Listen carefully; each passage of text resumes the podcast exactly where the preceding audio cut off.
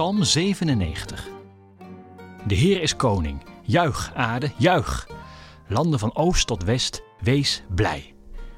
De Heer is een goede koning. Een donkere wolk is om hem heen en vuur gaat voor hem uit. De vlammen verbranden zijn tegenstanders.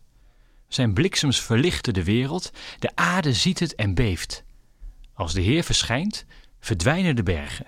Ze smelten weg als sneeuw voor de Heer van de hele aarde. De hemel zegt: God is goed. Alle volken zien Gods macht. Mensen die beelden vereren en trots zijn op hun afgoden, die mensen zullen zich schamen. Alle goden zullen zich buigen voor de Heer. Als de inwoners van Sion dat horen, is iedereen gelukkig.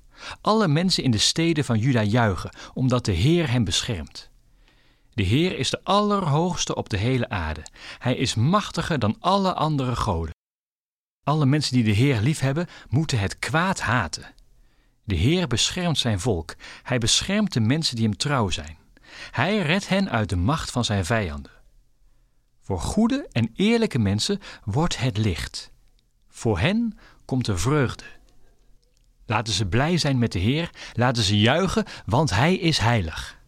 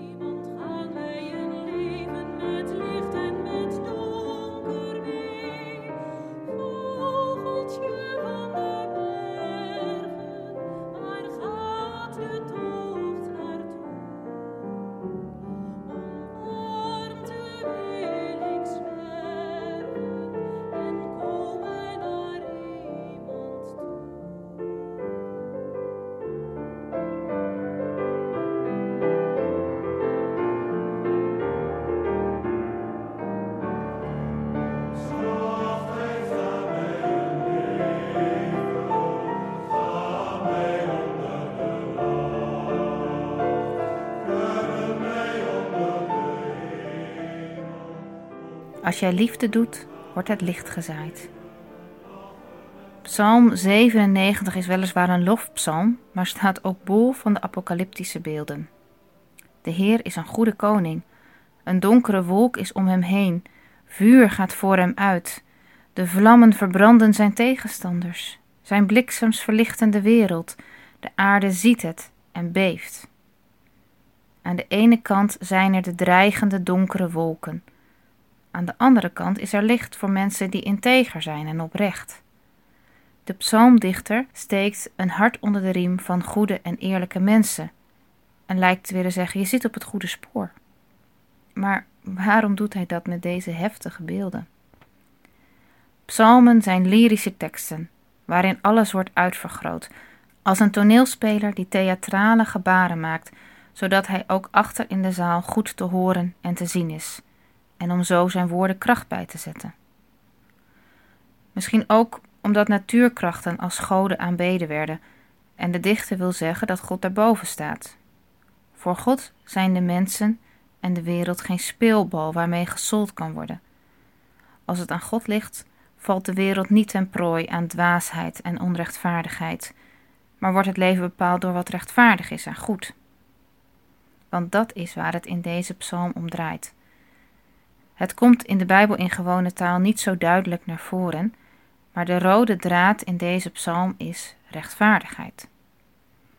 Als je in andere vertalingen kijkt, dan zie je dat woorden als recht, in het Hebreeuws masvat, en gerechtigheid, tzadik, zes keer voorkomen. Het gaat erom dat God mensen recht wil doen en dat mensen God recht willen doen. Op die manier is er een samenhang, een soort wisselwerking tussen hemel en aarde. Tussen de gerechtigheid van God enerzijds en de trouw van mensen aan God anderzijds. De rechtvaardigen en oprechten van hart. Zo kan er een vruchtbare kruisbestuiving ontstaan tussen hemelse en aardse krachten, waarin vuur de aarde niet verschroeit en verteert, maar de mensen juist verlicht en inspireert. Tegen hen zegt God, in de woorden van Huub Oosterhuis bij deze psalm: Als jij recht betracht, wordt de aarde nieuw. Als jij liefde doet, wordt het licht gezaaid. Vrees niet, ik met jou. God is Hij alleen. Vuur gaat voor Hem uit. Nieuw licht over de aarde.